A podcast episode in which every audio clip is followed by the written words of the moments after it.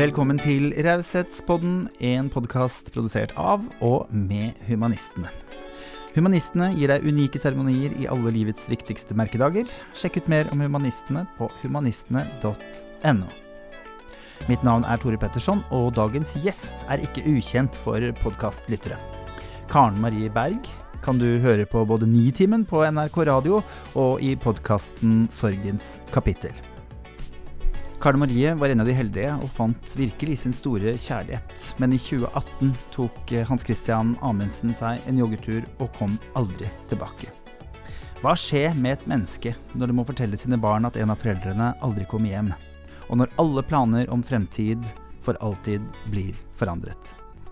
Vi tar en prat om livsglede, viktigheten av å møte mennesker med lignende historier som en selv, og at man må gripe livet hver dag. Leve fullt ut, og å tørre å si alt det fine en tenker til mennesker rundt seg. God fornøyelse. Endelig er det blitt fredag igjen, og gjesten i studio i dag er prisbelønnet journalist. Hun er programleder i Nitimen og står bak podkasten Sorgens kapittel. Velkommen til studio, Karen Marie Berg. Tusen takk, veldig hyggelig å være her. Veldig, veldig fint. Um, du er født i Gratangen. Vi kan jo ta litt sånn informasjon først. Du hører jo på stemmen at det er Troms kommune. Det er riktig. Bor nå i Oslo, på Tåsen, mm. Uh, intet mindre. Og i 2018 så opplevde du noe av det verste et menneske kanskje kan, eh, kan oppleve. Det er å miste noen man, noen man elsker veldig, veldig, veldig høyt. Og jeg tenker vi skal snakke litt om det. Um, men jeg har lyst til å starte et annet sted. Eh, for jeg syns jo det er litt interessant å bli kjent med mennesker om hva som engasjerer de. Så hva brenner du aller mest for akkurat nå, Karen Marie? Åh, oh, det er Jeg er jo veldig opptatt av politikk generelt sett. Ikke sant? Jeg liker å snakke om politikk og snakke om det som engasjerer folk i samfunnet, og høre hvorfor eh, det engasjerer. Eh, for det påvirker jo oss alle sammen. Mm. Og i dag, eh, eller her, denne uka her, så kom det en veldig god nyhet eh, på NTB om at eh, de klimatiltakene som vi har gjort eh, de siste 20 årene, har hjulpet eh, ja. på at vi får en eh, ja, bedre ozonlag. Ozonlaget er bedre. Eh, det er lys i horisonten. Mm. Og da kjenner jo jeg på et hjerte som bare blir varmere og varmere når jeg ser at eh, det vi da De konsekvensene vi gjør i forbindelse med de klimatiltakene vi har, har gjort, eh, bidrar til at vi får det bedre på denne kloden her. Eh, så miljø engasjerer meg. Eh, folk som ikke engasjerer seg, engasjerer meg. Ja. um, og at uh, vi rett og slett må bli bedre på å være gode med hverandre. Mm. Uh, det tenker jeg på hver eneste dag. Ja. Uh, I ulike relasjoner. For da kan jeg jo gå inn på, Det er jo et tema, det ligger jo litt i navnet på denne podkasten. Um, så vi kan jo godt begynne der, da, siden du var inne på det nå. Um, hva er raushet for deg? Det er, det er, faktisk noe jeg tenkte jeg skulle høre med deg om. Ja. Eh, fordi at eh, det er litt vanskelig å svare på, for det er så veldig stort eh, og voldsomt og litt uhåndgripelig ord. Eh, fordi at eh, Hvis vi skal liksom ta det ned på ja, mikronivå, så er det jo å være god med de som vi har rundt oss. Eh, og det er jo ikke alltid vi klarer det like godt. Men det handler jo om at vi må, vi må etterstrebe og for hvis vi er gode, sånn som hvis jeg er en god og omsorgsfull mamma, så er jo jeg med på kanskje å skape en bedre verden på sikt. Mm. Eh, og ta det med inn i familie, innenfor husets fire vegger. Um, for at det skaper jo forhåpentligvis gode mennesker som skal ta over verden på senere, mm. et senere tidspunkt. Um, så raushet for meg er å være god, ja. varm. Ja. Eh, og av og til så klikker det jo for meg også hjemme hos oss, og jeg er ikke like raus som mamma som jeg gjerne skulle ha vært. Eller venn, eller søster, eller datter. Men det handler om å etterstrebe og finne den balansen, i hvert fall. Og så må man tenke også Det må også være litt raushet mot seg sjøl om at man må godta at det ikke alltid går like bra. ja, for det var mitt neste spørsmål. da Hvor raus er du med deg sjøl? Ja. Mm. Sånn passelig. Altså jeg er et sånn eh, medium ja. raus med meg sjøl. Ganske streng, eh, men jeg vet å sette pris på livet. Og være i lag med folk som gjør meg godt. Eh, som å gjøre ting Jeg er ganske god på å rigge livet til som at, gjør at jeg får et, et godt liv å leve. For jeg tenker vi har bare ett liv, Ja. og det er akkurat her og nå. Eh, jeg sykla nettopp forbi Sankthanshaugen. Eh, og der eh, forrige fredag så var det ei dame som ble drept i krysset der, Ja. på sykkel. Stemmer det. Og da kjente jeg fikk et sånn grøss i kroppen. Hun var sikkert på vei hjem den ettermiddagen der, hadde helga foran seg, eh, og så ender livet hennes der. Og det skjer. Ja. Og jeg vet at det er veldig svulstig. Det er liksom at man liksom Jeg tror ikke vi nordmenn er så vant med å tenke sånn. Vi skal jo ikke gå rundt og tenke sånn hele tida, men vi skal være bevisst på at vi har bare ett liv å leve. Og, og da må vi være rause med oss sjøl og klappe oss sjøl på skuldra. Det er jeg faktisk veldig god til. Klappe meg sjøl på skuldra når jeg har gjort noe bra. Ja, så fint. Ja, liksom, det her gjør du bra. Dette her takler du fint. Uh, ja, det, det syns jeg at jeg er flink til. Så deilig. Så jeg, sånn, jeg syns det er helt greit å være sånn passe. Jeg er jo et sånn um, På en skala mellom én til seks, så er jeg et firemenneske. Jeg elsker tallet fire. Ja. Altså bare det at, at livet er relativt gjennomsnittlig. Det er det beste jeg vet. Jeg trenger ikke at livet skal pike så Nei. veldig mye. Men bare at jeg har ligger på en jevn firer, da er jeg superfornøyd og veldig, veldig fornøyd med livet. Om det gir mening. Ja. Um, du opplevde jo noe som var forferdelig vanskelig. Uh, du mistet mannen din, Hans Christian Amundsen. I 2018. Har du blitt bedre på det etter det? Skjedde det noe der, liksom?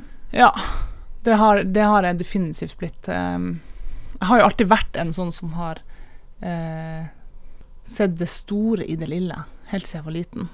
Det har jeg, og den, den har, det har jeg skjønt ganske tidlig, at jeg har hatt en gave med at, at jeg liksom, det, det ikke trengs så mye. Jeg trenger ikke tur til New York for at jeg skal bli happy. Altså, bare at jeg har mine de jeg er glad i rundt meg, så er jeg veldig fornøyd. Vi kan gå opp i skogen, vi kan gå en tur. Eh, det husker jeg sa til Hans Christian, du trenger ikke å ta meg med på weekendtur, bare vi kan gå en tur sammen og koble oss på hverandre sånn at vi er på nett, så er jeg happy, så er jeg fornøyd. Altså, jeg er det enkleste kvinnemennesket du kan være sammen med, eh, mente jo jeg sjøl, selvsagt. um, men eh, etter at Hans Christian døde, så har jeg jo absolutt eh, skjønt hvor viktig det er å, å ta vare på livet sitt og, og nyte det så godt man kan. Og kanskje ikke se Dyrke alle problemer som kommer din vei. For dem er det noe. Du må liksom velge din kamp og velge din Hva er det du vil egentlig bruke energien din på? Så prøver jeg jo det, da. Og så er det viktig bare det der, som sagt. Det der å kose seg og sette seg ned og nyte solnedgangen. Uh, gå en tur, høre fuglene kvitre, gå en tur med hunden, være i lag med ungene. Uh, og se at det, det er liksom det Ha det fint med det, da. Mm. Så ja, jeg har absolutt blitt bedre på å nyte livet. Og det tror jeg kanskje kan være litt rart for noen at liksom Det er mange som kanskje kan tro at å gud, hun var noe voldsomt happy, hun der, liksom. Eh, Ja, føler du på det? ja, for, Eller tenker du at noen kan tenke det? ja, det tror jeg nok. Ja. Det tror jeg nok. Ja. Eh, kan ikke hun bare roe seg litt ned? Eh, jeg tenker på sosiale medier og sånn. Eh, for det er, jeg klarer ikke å la være. Hvis det er noe sånn godt som skjer med meg, det kan være et sånn brøkdel av et sekund, bare, så vil jeg ha det. Jeg vil dele det med folk rundt meg. Mm. Og da kan det jo kanskje virke som at livet mitt innebærer bare med å bare ha det bra, liksom. Men det gjør det jo selvsagt ikke. Men um, ja.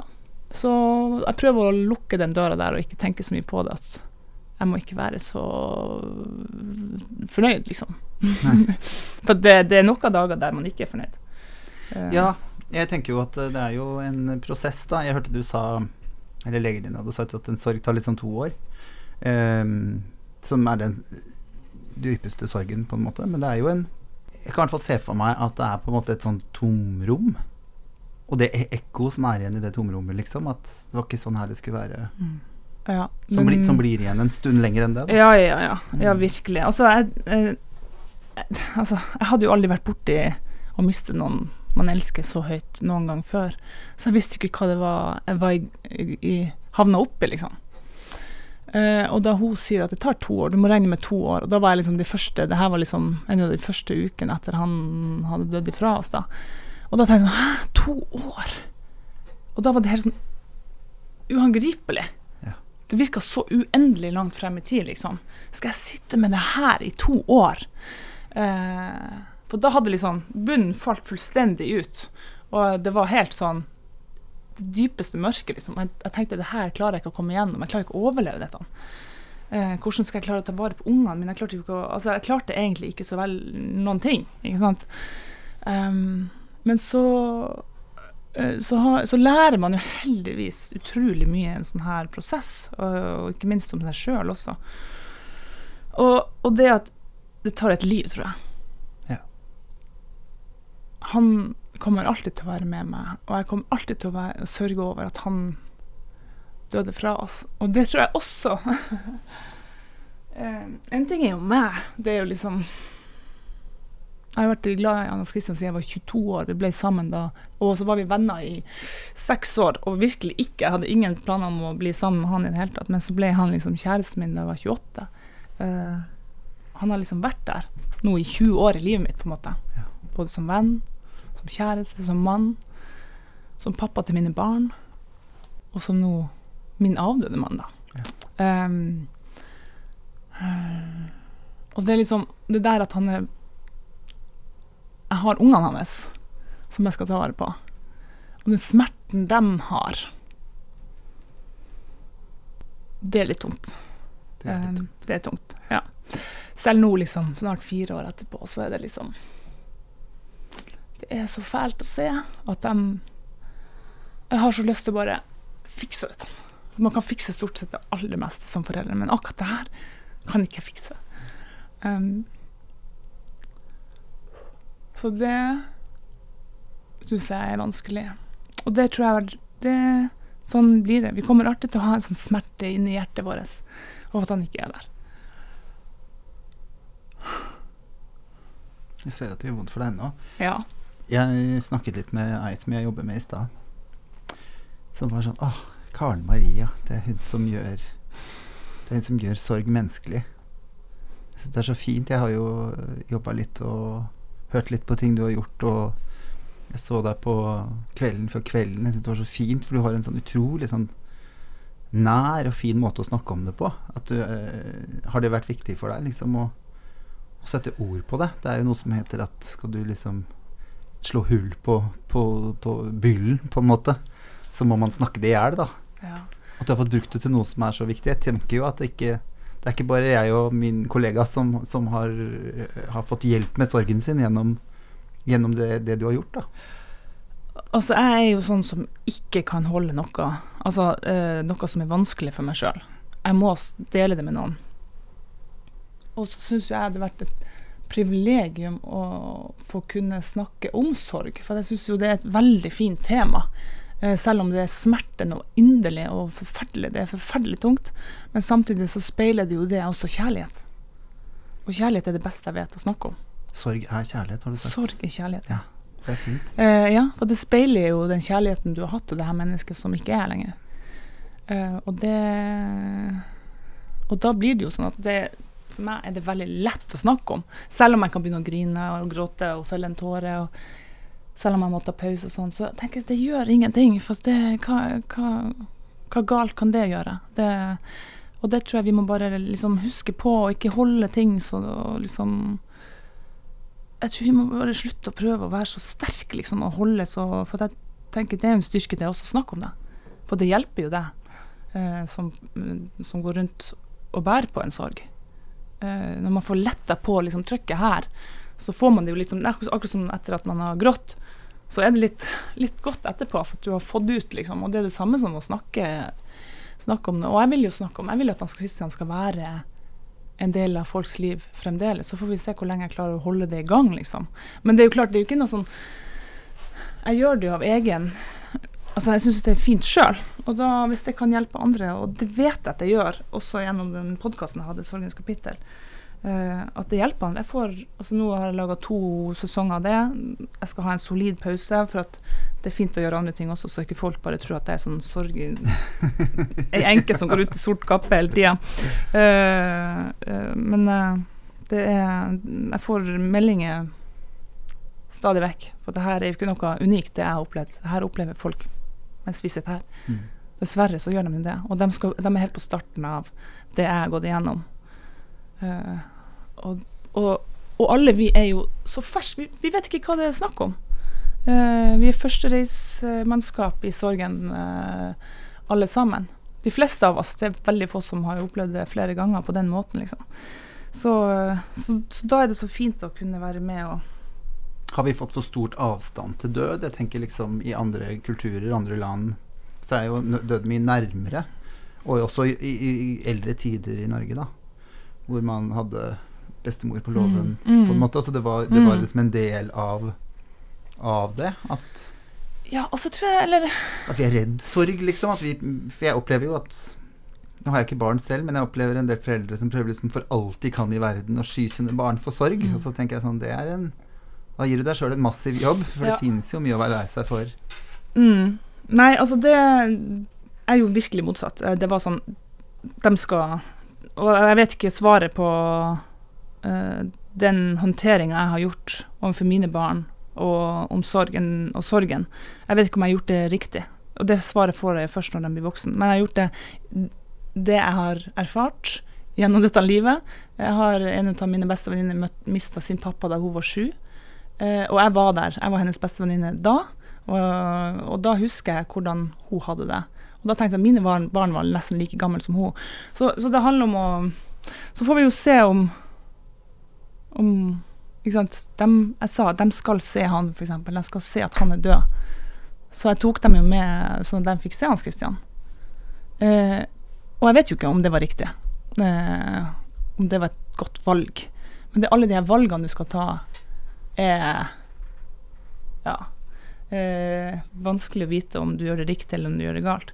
Men om, om, eh, om eh, sorgen er fjern for oss Mulig, men jeg opplever egentlig ikke det. Nei. For at med en gang jeg snakker om sorg, så er det folk er med på det med en gang, og da har de sin historie å snakke om eh, og fortelle. Eh, så det gjør at man får en god samtale. Og det er noe uansett om det er unge eller gamle. Eh, jeg syns vi vi er ganske flinke, alle sammen. Det handler bare om å sette fingeren på det, sorgpunktet, så, så åpner folk seg. Du ga et råd til dine barn eh, som jeg har, eh, har brukt. Eh, jeg husker ikke hvilken sammenheng du var Om du sa det til meg, eller om, om du sa det eh, i et intervju, eller noe sånt. Jeg bare Jeg nevner det ofte når jeg, når jeg snakker med folk eh, om sorg og det der å For det er et uttrykk som heter at tårer Altså gråt, gråt er hvert tegn på at du har vært sterk for lenge. Altså det er Det renner over. Nå må Ja. du sette deg Litt som du sier at du får den der regnværsdagen etterpå. Det er litt deilig når man har grått litt, da. Mm. Um, og da husker jeg eh, en av barna dine var bekymret for å ikke gråte nok. Og så sa du jo, men hvis du ser på noe trist på TV, eller hvis du slår deg for vondt, så gråt litt for pappa òg. Mm. Og det har, jeg, det har jeg brukt så mye, og det Mm. bruker jeg i mitt liv når jeg ser en, en serie eller en, en, et innslag på, på TV eller hører noe på radioen som setter i gang tårene mine, så legger jeg meg ned og griner litt. Og det gjør og det, Fyll på litt ja, der, ja. for jeg har ikke så tilgang på tårene Mm, mine alltid. mm. ikke sant? Jeg har jo levd et liv hvor man skal virke sterk utad, ikke sant? Og, og jeg syns det er vanskelig å få tilgang på de. Eh, så, så i desember lå jeg bare så på julefilmer, og jeg la meg ned som et god kvarter 20 minutter og tenkte på deg, sendte deg litt kjærlighet, og tenkte at det der har jeg brukt mye. Ja. Mm. Ja, for at Nå skal jo ikke jeg utlevere ungene mine, men eh, det er jo ulike mennesketyper Mm. jeg har med å gjøre her. Eh, totalspagat, ikke sant. På Én er kollåpen, og én er helt lukka. Ja. Eh, og da Det er jo ingen problem med den som er kollåpen, for da, der vet man jo sånn cirka hvor den ligger i terrenget på, på hvor de er i sorgen. For det er lettere å få fatt på. Mens den ungen min som er, er liksom lukka, eh, gråt aldri. Det var, det var Her er alt bra. Det var sånn Hvordan var det i dag? Altså to-tre uker. Hæ? Nei, kjempefint! Kjempefint dag på skolen i dag. Ikke sant? Det var sånn. Eh, og det er det fremdeles. Og da, da er det jo hver gang Nå sier jeg den personen eh, har det litt tungt, så heller jeg bensin på bålet. Jeg kjører på, og da begynner jeg liksom å snakke litt om pappa. For da, for da, får, da blir det utløp, da. Ja. Får vi liksom, da er det, det er opp Altså, det, det er så mye i den kroppen som skal ut. Og igjen, jeg vet ikke om, jeg, om, det helt, eh, kommer til å hate meg for det her, men eh, det er i hvert fall det jeg tenker sånn Her må det, det må utløp for, for sorg og frustrasjon over at de har mista faren sin. Og, og ikke sant, bare det at jeg har, min far lever, har vært et stort Ja. problem for dem. Du har pappaen. Jeg har min pappa, og de har ikke sin pappa. Og si at Vet du hva, det skjønner jeg så godt. Eh, bare forstå dem. Forstå det, for jeg forstår det jo, men man kan ikke gjøre noe for å lette på det. Det er Men kanskje å helle bensin på bålet når de har slått seg, ramla på sykkelen, kommer hjem og er lei seg for at de har krangla med noen på skolen, eller Da tar vi en good cry, liksom. Det er det vi gjør. Ja, ja. Vi sparer ikke på noe der, da. De enes jo, disse barneterapeutene rundt omkring, da, med å bare møte dem med masse kjærlighet. Det er jo det. Så skal det jo godt gjøres å gjøre de største feila. Ja, da tror jeg vi er på rett vei. Da, Mm. da har vi truffet en planke. For at eh, det er ho, De får mye kjærlighet i der. Og det er Det er også sånn noe jeg, har behov for å uttrykke kjærlighet. Jeg har, jeg har enormt behov for å liksom vise dem, for at eh, det bare sprenger i brystet mitt. Liksom. Jeg bare vil at, jeg sier det til dem jeg vet ikke hvor mange ganger i løpet av en dag. Jeg vet at det er gjentagende, så Men det må ut når det dukker opp. Og sånn er det også Det har jeg også sagt før, at liksom Du må Jeg mener i hvert fall det at øh, hvis, du, hvis du ser noen som du er glad i, si det bare at du er glad i dem.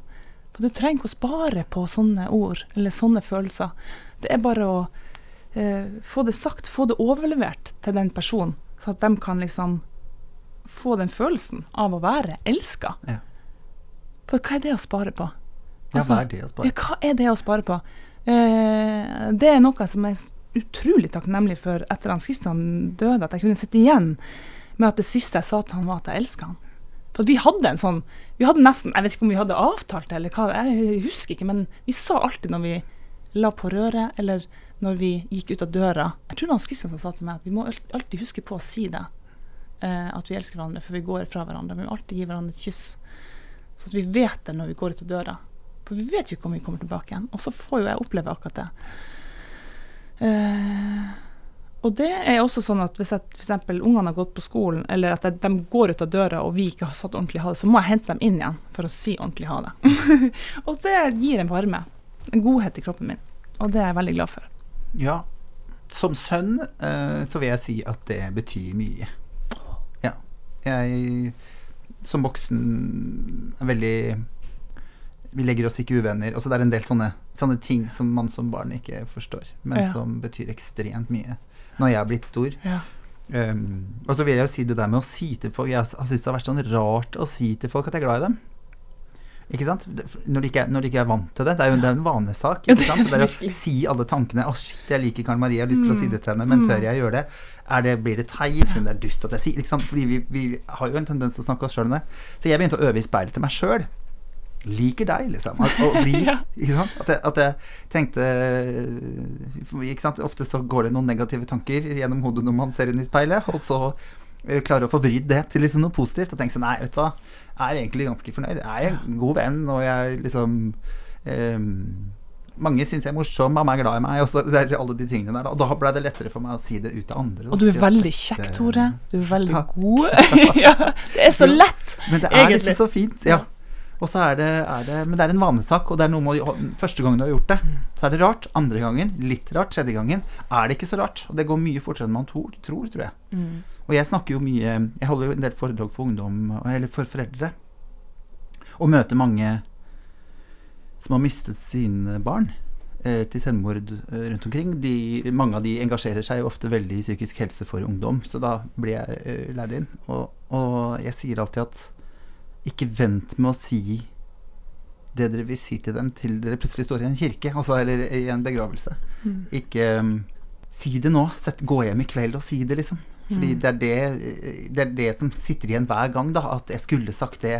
Det var jo ikke noe viktig med den matteprøva. Hvorfor maste jeg så fælt på de tingene? Det var så mange andre valg man kunne tatt, da, istedenfor å bare sette seg ned og si det Mm. til de, liksom. Har du noen sånne ting som du ikke fikk sagt. Dere hadde jo en sånn veldig fin Nei, men det heldigvis ikke. Altså, det det sånn, Dere skreik 'elsker til hverandre, hørte jeg. vi, vi ropte at- ja. sånn 'elsker deg, Mm. elsker deg'. Og jeg husker det altså, Jeg tenkte 'herregud, hvor kjekk du er'. Hvor fin du er.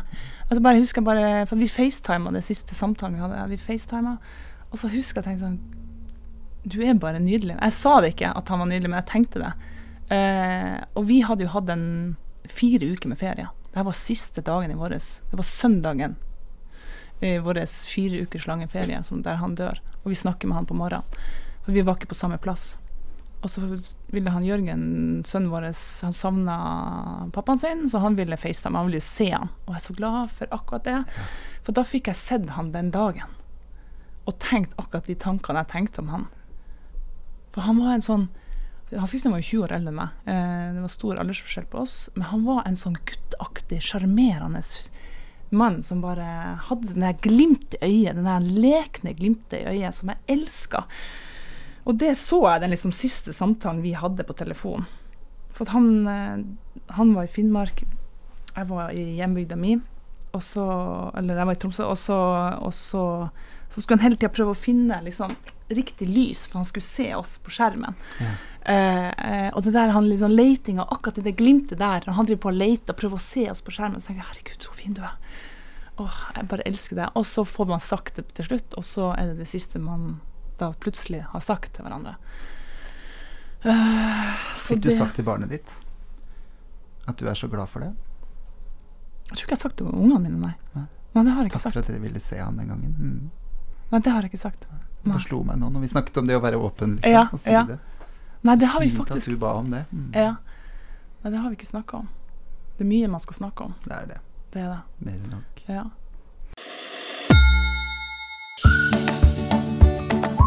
Hvorfor er jeg medlem av Humanistene? Jeg liker at humanistene er inkluderende. Jeg liker at jeg er med på å stoppe polarisering. De jobber mot urettferdighet. Jeg liker at de er opptatt av miljøet. Jeg liker at de arbeider for menneskeverd, likeverd og for menneskers rettigheter. Bli med i Humanistene du også! Det gjør du enkelt på humanistene.no. Humanistene et rausere samfunn.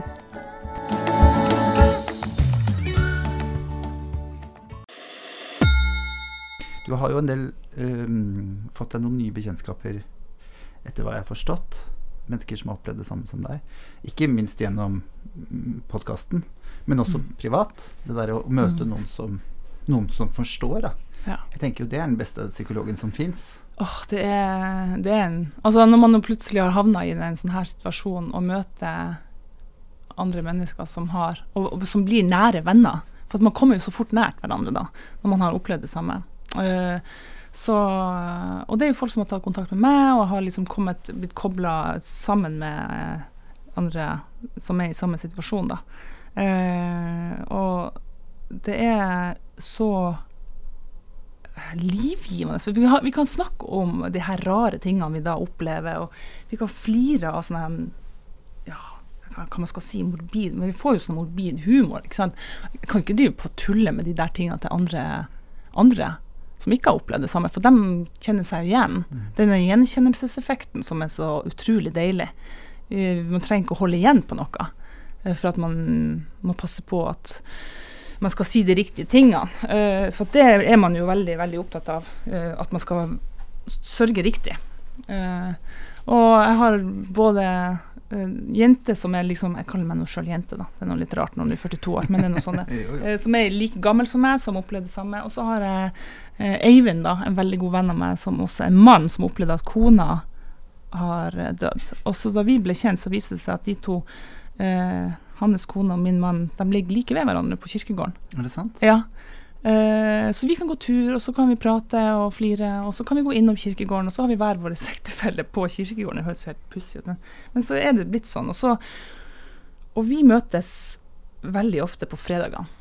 Vi stikker av gårde, og så tar vi oss en øl, og setter vi oss på en benk, og så tar vi oss øl, og så sitter vi og prater, og så får vi bare utløp for alt det som har hopa seg opp. Og så bare sånn Ha det, snakkes! Og så drar vi hjem til hvert vårt.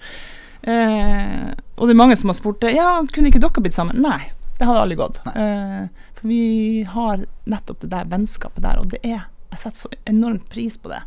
Eh, så det er godt også å ha en mann, en mannlig enkevenn, på en måte, som kan se det fra en annen side. Mm. Det liker jeg veldig godt. Jeg liker å snakke med menn. Det må jeg bare innrømme. Tore, jeg sitter er ved jo hyggelig. hyggelig. Jeg setter veldig pris på Ja. det. Mhm. du, du har, det er mange ord som har dukket opp, da. Jeg likte spesielt 'sorg er kjærlighet'. Um, du har kalt det for syresorg. Spiser det det opp, er det det du mener? Ja, altså den uh, Altså de første, den første tida, det første året. Eller i hvert fall første Altså, jeg klarer ikke å tidsbefeste det, men, men det er som at du har uh, Syresorg for meg er den første tida der det er Du har konstant melkesyre i hele kroppen. Fordi at den, den er i fullstendig eh, spenn hele tida. Um, det er vanskelig å beskrive, men det er nettopp sånn. Bare, det er syresorg, for at jeg føler at jeg sitter med melkesyre overalt. I hodet, i tankene, i bare det å sove, og alt, alt er i spenn. Og du får aldri slappe ordentlig av. Du får ikke fri fra det her. Du får ikke liksom uh, en timeout fra den sorgen. Og den er grusom. Eh, men det er jo Jeg sier hele tida ja, men det er sånn det er. Altså, men, ja, det er jo sånn det er. Men det er helt jævlig Mm. eh, å være i den der. Det er stygt. Ja, Det er bare avgrunn. det er, jeg bruker også å si at beskrive det med at jeg sitter naken i en Jeg følte at jeg satt helt naken i en på huk, liksom bare sånn bein sånn her. Eh, med nederst i en sånn potetsekk, sånn strisekk som du har med deg i potetdokken når du skal ta opp potet. og nedi der sitter jeg sånn Jeg er to centimeter stor, og nedi der så sitter jeg i den svære sekken. Og så bare ser jeg opp, og så ser jeg liksom, du vet der du snører igjen sekken. Der ser jeg kanskje et lite, bitte lite lysglimt. Og så langt nede var, var jeg da. Um, og så plutselig så kommer du deg opp og ut av den sekken. Men når du sitter der eh, og har den syresorgen, så tror du aldri at du klarer å komme deg opp i det lyset der. For at det føles helt umulig. For alt er tungt. Bare det å stå på senga, bare det å gå på do og spise. Eh, at folk kommer på besøk, et tiltak, og liksom være, prøve å være hyggelig. Vanskelig å være hyggelig. Vanskelig å være raus. Ja. Veldig vanskelig. Det er jo, jeg opplever jo raushet som en, eh, et overskuddsprosjekt. Mm. Absolutt. Det, er det, det er det som renner over. Ja. Når du Ja. har noe ekstra i. Det er ikke det er ikke en tid, men opplevde du mye raushet? Himmelhav. Det er Der har du Jeg lurte på i stad, jeg spurte deg hva raushet egentlig er. Jeg har jo virkelig opplevd det på kroppen. Eh, venner og eh, ukjente mennesker som bare har behov for å gi oss varme. I form av bare å hjelpe til oss, hjelpe til i huset. Vi hadde jo et uh, helt ribba hus. Vi skulle liksom pusse opp huset for nye eh, 20 år liksom hjemme hos oss. Uh, var det var det som var det, Jeg måtte si det til han Kristian, for at han hata å liksom pusse opp. Og jeg sto liksom med liksom det ene skapdøra på kjøkkenet i handa. Så bare sånn Ja, men mener du at det her er et topp kjøkken? Han bare sånn Ja, det her er helt topp.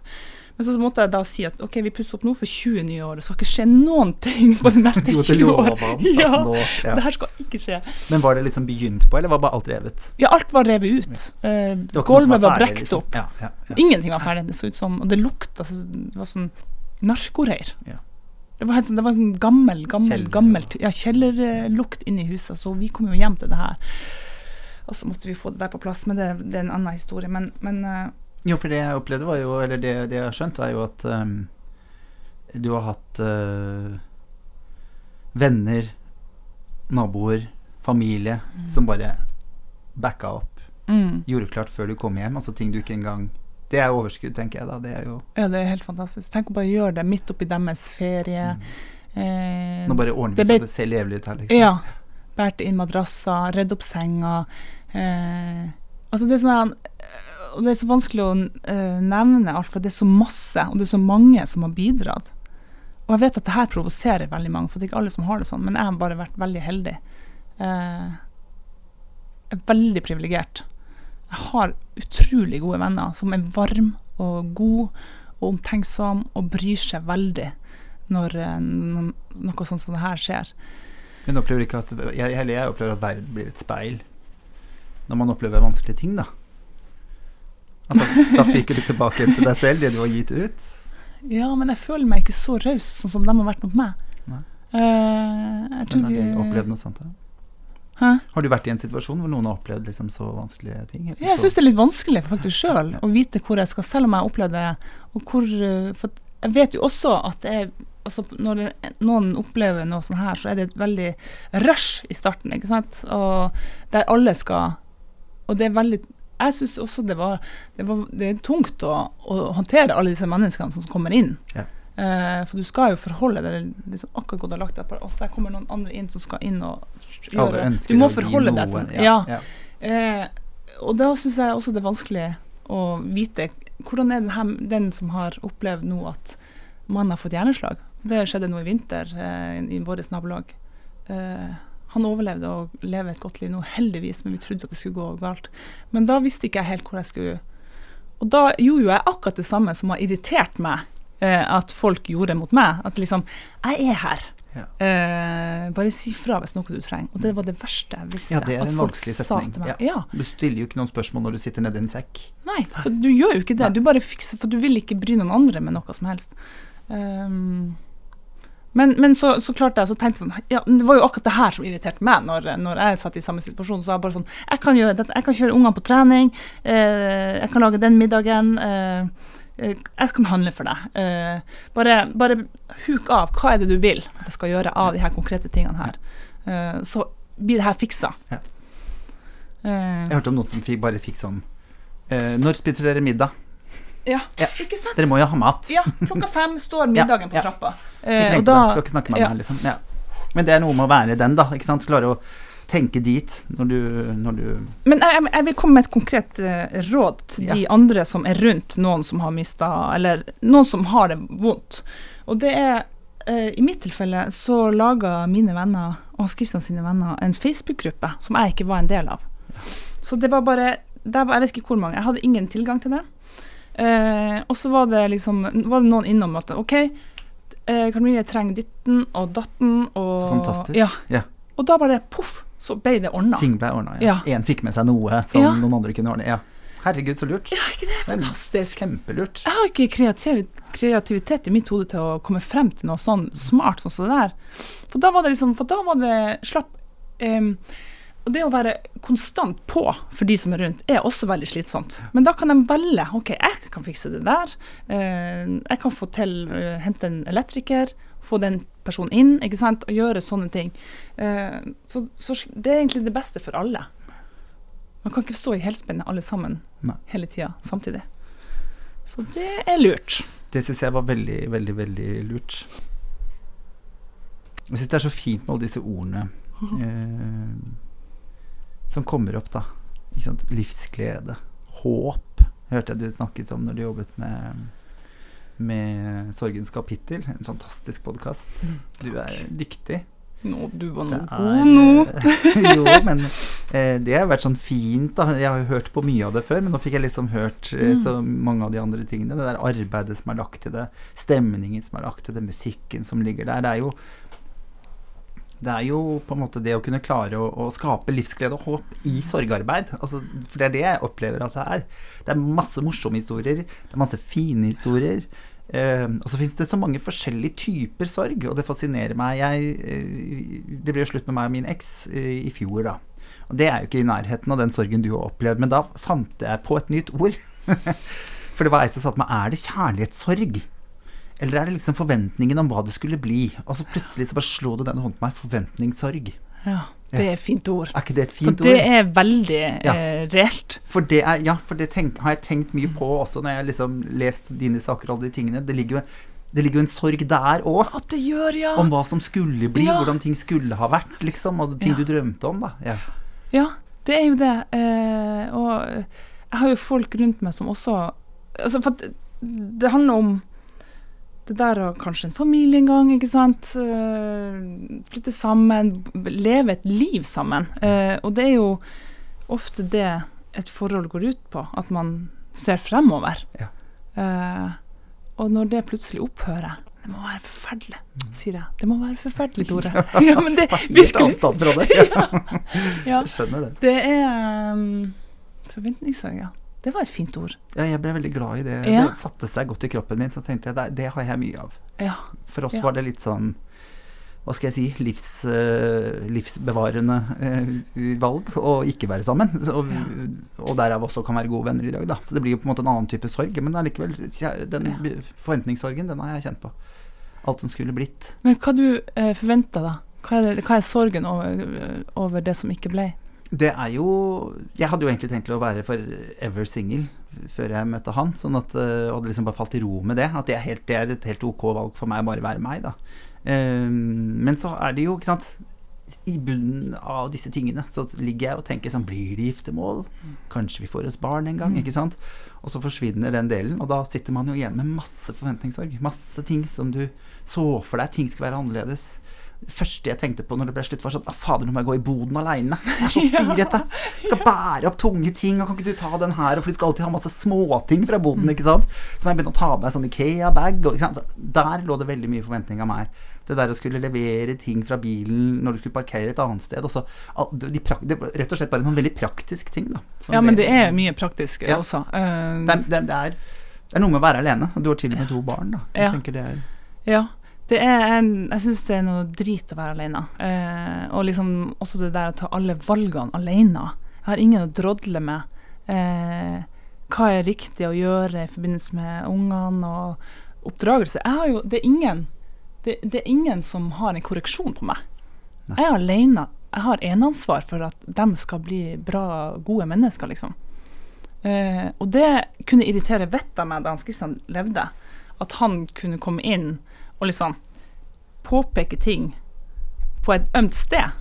Eh, veldig provoserende. Og vi var jo to mennesker som hadde sterke meninger. Vi, vi, liksom, vi holdt ikke igjen på noe. Så det kunne jo gå ei kule varmt hjemme hos oss. Og det liker jeg. Det må jeg bare si. Understreke. For jeg kan ikke ha et menneske som ikke er tydelig i talen sin. Men, eh, men, eh, men det der å være alene, og ikke at, at Hans Christian ikke kan fortelle meg når jeg går over grensen, eller at jeg burde skjerpe meg litt. Få meg inn på rett spor igjen. Jeg husker jeg møtte deg på NRK, da hadde dere akkurat krangla om en trapp, husker du det? Og det var så fint. Det var sånn adrenalin. Og jeg likte det. Jo, men jeg syns det var så fint, og jeg tenkte på det liksom også i ettertid, at man savner jo det òg. Vi holdt på å skille oss pga. at vi skulle plassere en trampoline. Bare Kanskje det var det det var? Ja, ja, men så var det også sikkert for vi drev på med hagen samtidig, så det var sikkert den trappa. For det var mange ting vi, vi krangla om, for å si sånn. Men jeg husker bare tenkte sånn Hvis at du mener at den trampolina skal stå der, så eh, Da orker jeg da kan ikke vi leve i lag, for det her er så tydelig på hvor den trampolina skal stå. For meg er det lysende klart. Ja, herregud. Det er helt opplagt. Nei, øh, hva var spørsmålet? Hva, hva hadde du spurt om? Nei, det er å savne krangler nå, det der Ja, å ja, ja, og ikke være ja. aleine, Ja. Det tar jo de Ja, Og jeg men tenker Det å krangle er jo veldig veldig sunt. Da betyr det at det fins en, en kraft der. ja. Det er når det ikke er det lenger, det begynner å bli farlig, på en måte. Men det der å være alene, det er um, Jeg tror jo Jeg er ikke skapt for å være alene, men jeg, jeg eh, Og jeg savner så inderlig det der eh, som vi var, og alt, eh, alt det medførte. Um, men uh, Sorg er en ensom reise. Ja, veldig ensomt, ja. Og så Og er det det- ingen som kan ta på den plassen heller. Den er, den er bare ensom. Mm. Det er ingen som kan hjelpe meg, og det, jeg kan ikke hjelpe ungene. Det er jo igjen det som er så tungt, at jeg kan ikke bidra til at de får det bedre med sorgen sin. Uh, de må bare håndtere det i størst mulig grad sjøl. Og det er smertefullt for en mor å se på. Så sant, for De kan ikke få pappaen sin tilbake. Jeg kan, jeg kan finne meg en ny mann når nå enn det måtte skje. Eh, det skal mye til for at det skal For Hans Christian var på en måte min brikke. Ja. Det passa, liksom. Det stemte med mitt puslespill. Eh, for jeg, aldri, jeg har aldri opplevd noe sånt før. Og det der å fatte interesse for et annet menneske, det, det er et veldig stort spørsmålstegn rundt. For før jeg og Hans Christian ble sammen, da var jeg veldig singel. Eh, og levde et veldig sånn singelbasert liv. Og han var en veldig god venn av meg, så han fikk jo vite om alt det her som skjedde i mitt eh, singelliv. Eh, men, eh, men nå Det der å, å tenke på en annen person som skal inn på en måte ved siden av meg, som skal være min nye brikke, det, det krever veldig mye av det her mennesket som skal da inn her. eh, det er nesten en umulighet. Ja. Så jeg her, sa det her han, om dagen, var det noen som spurte, så sa jeg jeg vil ha noen inn i livet mitt, men jeg vil ikke ha de inn i livet mitt. Altså, ikke sant? Man, man har fått en mur. Ja, det er det. Ja, Men du, så- du får ikke komme innafor her. Ja, men så tenker jeg jo at, at sånn som det at jeg og Christian ble sammen, det var, det var Det kom litt som, som lyn fra klar himmel. Vi hadde vært venner veldig lenge, og så plutselig bare sånn Det er jo derfor vi er så gode venner. Det, det, det er for at vi to skal være sammen som kjærester. Eh, Det var jeg veldig overraska over, og det var han også. Så liksom, vi hadde litt vanskeligheter med å finne ut at å shit, ja, det er jo det vi skal være. Um, så jeg håper jo at det kanskje skjer en gang på nytt igjen, at jeg får oppleve det der overraskende eh, komme fra sidelinja, bare sånn liksom blåse meg litt over ende. At liksom Å ja, det var du som skulle være min følgesvenn eller partner eller kjæreste eller hva det nå enn må være. Um, men, jeg- men jeg skulle bare ønske at jeg hadde litt mer den eh, Det der at eh, raushet overfor seg sjøl, som vi snakka om i stad. Jeg er ikke særlig raus eh, i forbindelse med å kanskje finne meg et nytt menneske. Eh, jeg har vært og innom Tinder av og til, og jeg tenker sånn Nei! Det går ikke an, for det som er her, eh, passer ikke til meg. Um, og da tenker jeg at det kanskje må eh, komme gjennom nettopp det der å bare sitte og snakke sammen. At man møter et menneske som bare sånn Åh, Der, ja. der, du var nå også sabla hyggelig og klok og ja, velartikulert og i det hele tatt uh, alt som Jeg tror ikke det er det der utseendet som, uh, som man da gjennom Tinder uh, skal velge ut et smalt. menneske. Det er jo smalt. Du ser jo ikke sjarmen. Du ser ikke om det her mennesket. Ja, Mm. hva de tenker. Det er jo det som tiltrekker. Mm. Så jeg må bli sjarmert. Det må jeg bli. Mm. Jeg må liksom, det må være noen som har eh, drive, og, og det finner du ikke gjennom et bilde på Tinder. Nei, det gjør ikke det. Nei. Det er så sant. Du kom deg godt gjennom dette uten gudstro, da. Eh, har, du, har du sagt. Eh, er du humanist? Jeg vet ikke helt hva jeg er. Nei. Men jeg vet bare det at eh, ja, for meg eh, så har ingen gudstro hjulpet meg noen gang. Eh, jeg bare alltid syns at nei, det stemmer ikke for meg i det hele tatt. Har det vært litt sånn på en eller annen måte litt ok også? Det der å ikke skulle legge det inn i en større sammenheng. Ja, nei, det er helt eh, det, Nei, nei, nei. Det er ikke For der var du og Hans Christian helt like. Mm, mm, Ja. mm.